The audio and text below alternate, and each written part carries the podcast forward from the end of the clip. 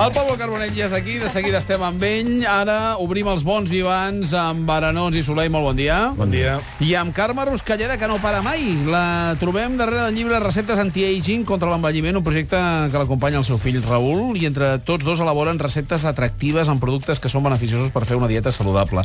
Antiedat, un projecte que ha tutelat el doctor Manuel Sánchez de la Clínica Planes de Barcelona.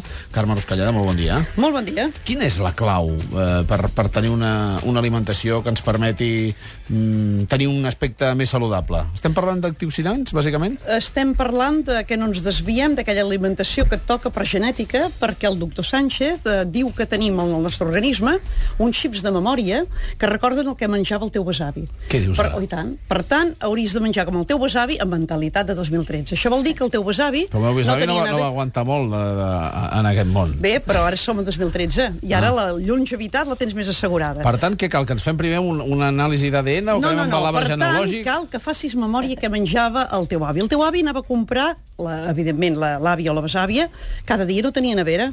Per tant, el producte era de proximitat i era fresc, i era estacional. Mm. El que hem de fer és no perdre memòria de menjar aquelles coses que toquen i fresques. Val. I hi són al mercat. El que passa és que, esclar, al mercat també ara avui eh, trobaràs, eh, si t'ho propòsit ve de gust, segurament raïm, cireres, que sempre hi ha un punt del globo que és primavera o és estiu o és tardor. Avui he vist i un vídeo així d'esquillentes, brutal, d'una lasanya que, que s'ha fabricat a no sé quants països. Vostè ha seguit la, la pista d'aquesta lasanya però famosa? No no, no tinc idea. Bueno, però... però... Els Findus, Sí, sí. La del cavall. Vostè, vostè Ah, ho ha sí, vist, no? sí, Això és espectacular. de molador. És a dir, per, si el meu avi menjava lasanya... No, no, escolti'm, no, no, no. El- L'avi segurament que potser sí que sabia de la lasanya, però si n'havia menjat era quan viatjava. Ja. Eh, I està bé que fem una lasanya perquè no deixa de ser un caneló estirat. Si la fem nosaltres aquí, sí. Exactament. Però es veu que aquesta donava la Bé, volta al món, perquè eh? ens hem desviat i perquè estem consumint a cinquena gamma i estem defensant precisament la primera gamma, aquesta que hi ha d'entorn, aquesta que és viva, aquesta que pots controlar, que Ara, coneixes qui el meu la besavi segurament no menjava el mateix que el teu. Per doncs, tant, què ens, eh, què ens hem de fer? depèn, depèn d'on vivim. Si el teu avi vivia a Galícia, segurament que no, però, Però si si no, vivia sí. a Catalunya... És a dir, eh, que doncs, aquestes receptes són bastant per tothom, no cal fer una Són anàlisi... bastant per tothom i, i fa aquesta consciència de que allà on siguis menja allò que et pertoca. Per exemple, la, la cuina japonesa també són paraules del doctor. És una cuina que eh, tot el món doncs, la reconeix com a sana. Però, és clar, i a tu que la mengis un dia et farà bé. Però canviar radicalment a la cuina japonesa ja no et sentarà bé, per aquest ADN que, que t'acompanya. Mm, però sí, a mi m'agrada molt. Bé, però no en fas accés. Ja. No fas accés. Doncs segurament aquesta és una de les claus, ara no? És molt interessant, no? Sí, em veus més jove, no? Jo la practico. Tu segueixes, Sí, t'has sí. agafat aquestes receptes anti-aging, Totalment, gastronomia eh? i ciència de la. Carme Ruscalleda i el Raül Balam? Totes, totes. No, és molt interessant, és seny, és donar-hi a l'alimentació seny, eh, pensar-hi, aturar-te un moment i dir, com ho fem? Com ho fem bé? Menjar estació, menjar molt vegetal. Jo el que trobo que és molt interessant és que la cuina vegetal és una, sempre ha estat una cuina molt avorrida, una cuina tediosa, una cuina que la gent sempre feia associada a règim o, o a certes creences, i si està ben feta, si està ben practicada, pot ser Home, a tots ens ha eh, passat el mateix. no? Jo els pèsols que, que men- que menjava a l'escola em semblava Clar, la clar. pitjor cosa del món, i També- vas un dia també- a l'Hispània, Soler, i veus aquells pèsols, Sí, a l'Hispània o a altres o restaurants. altres restaurants, i vull dir que... I allò, I allò és una altra cosa, dius, els Ah. pèsols de l'escola no m'agradaven i aquests m'agradaven O els molt. espinacs, És una o- miqueta el que explicava la Carme, doncs, del producte de proximitat i el producte de, de temporada. I, i, no? i, també, I també la cocció, absolutament important, perquè no voldria saber evident. com feien els pèsols sí, a l'escola, les tones no, que no, estaven fent. o el besavi i la besàvia, que també els tenia de proximitat si bons, i que hi havia aquella tendència de recoure. Mm. Que el, eh, jo recordo la meva infantesa, la verdura que tenia una pàtina beix marronosa. Mm. Llavors, com vols dir una criatura que mengi verd? El verd no l'ha de perdre. Clar. Eh, és molt important que no perdi ni la fragància, ni la textura, ni el sabor. I aquí les coccions també són eh, eh, Ho prioritàries. toqueu molt bé al Sant Pau, i a més a més sempre teniu aquesta ho cura defensem, sí. de, que, de que el producte sigui, sigui molt proper i molt Evident, reconeixible. evident, eh? evident, ja és una garantia.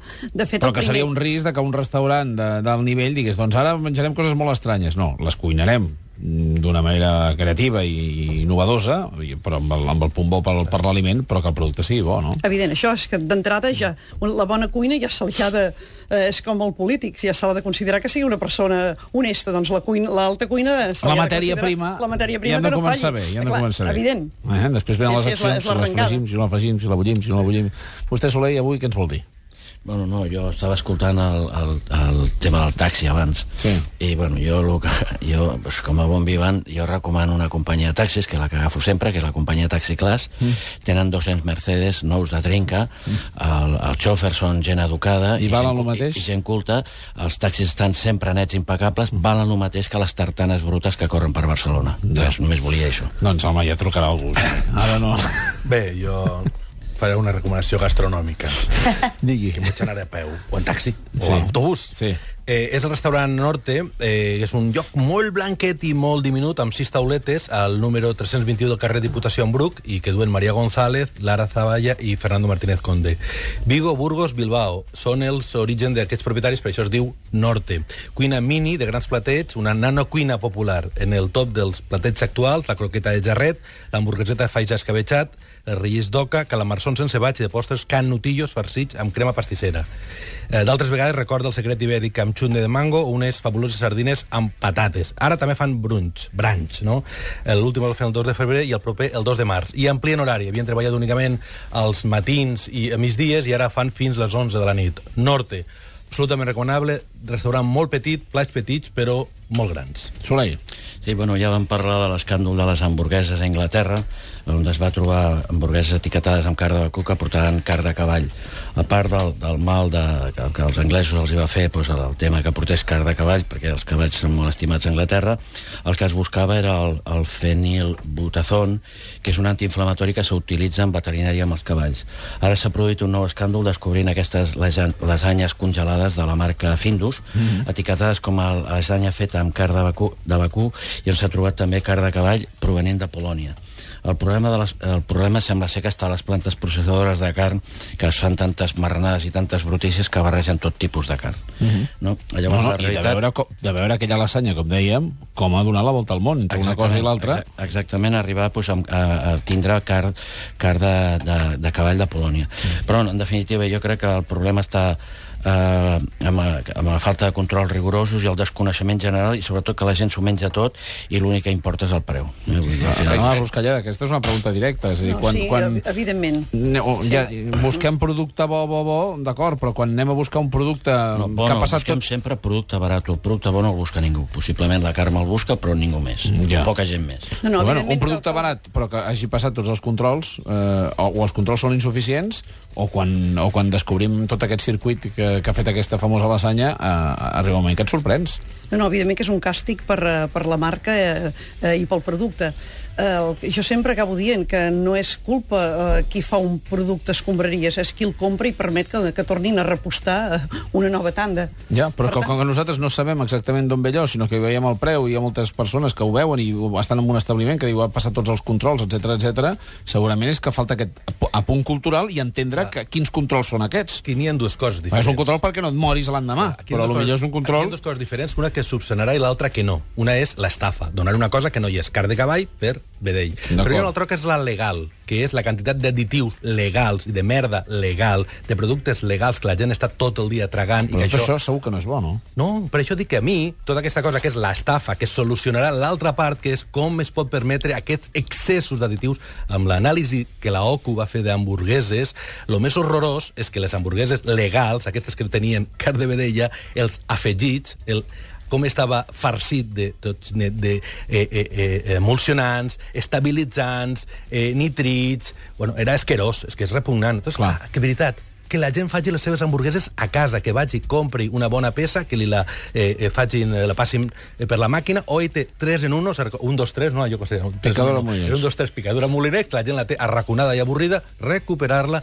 i fer-te tu les teves hamburgueses, participant amb els nens, mm -hmm. i deixar de comprar aquest producte industrial asquerós. Uh, Soleil. Bueno, no solament són les hamburgueses, d'alguna manera és el que deia la Carme, jo crec que la, vas, no, no fa falta preparar-les a casa, pots anar al teu carnisser, escollir la carn i, i te les preparen al moment i no són molt més cares que aquesta porqueria que venen al mercat. El problema és que la gent té pressa per anar a comprar, tot li va bé, s'ho menja tot i llavors van a qualsevol supermercat a comprar porqueries. Jo ja vaig dir un dia que al supermercat és molt difícil trobar alguna que sigui comestible, però bueno. bueno jo voldria parlar de la contaminació del vi. Moltes vegades hem trobat aquests aromes o sabors que, que fa que diem que aquest vi té tap. Ja, eh, ja sigui per contaminació aromàtica pro, provenent de, del tap o contaminació del vi eh, provenent de la bota. Aquesta contaminació ve donada pels, an- pels anomenats eh, tricloroanisoles, que és el TCA tricloroanisoles, sí, és el. TCA, no? que fa que el vi tingui aquest, aquest gust a fongs o a humitat.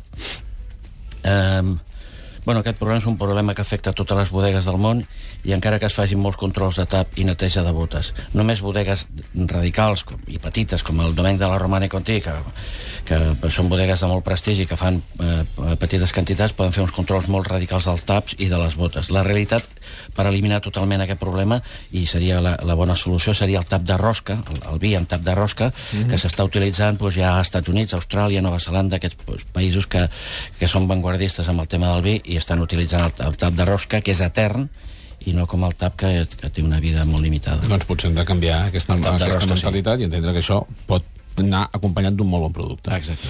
Uh, senyora Nos, Un pan- formatge. Última. Sí, un formatge que és un idiazabal extraordinari. No està fumat. El fumat eh, cansa, per mi m'esgota. Es diu Aizpea, elaborat per una família de pastors, propietaris d'un ramat de 550 ovelles de raça taxa a Vila Beniteca a 32 euros el quilo. Carme Ruscalleda, mm, l'última creació.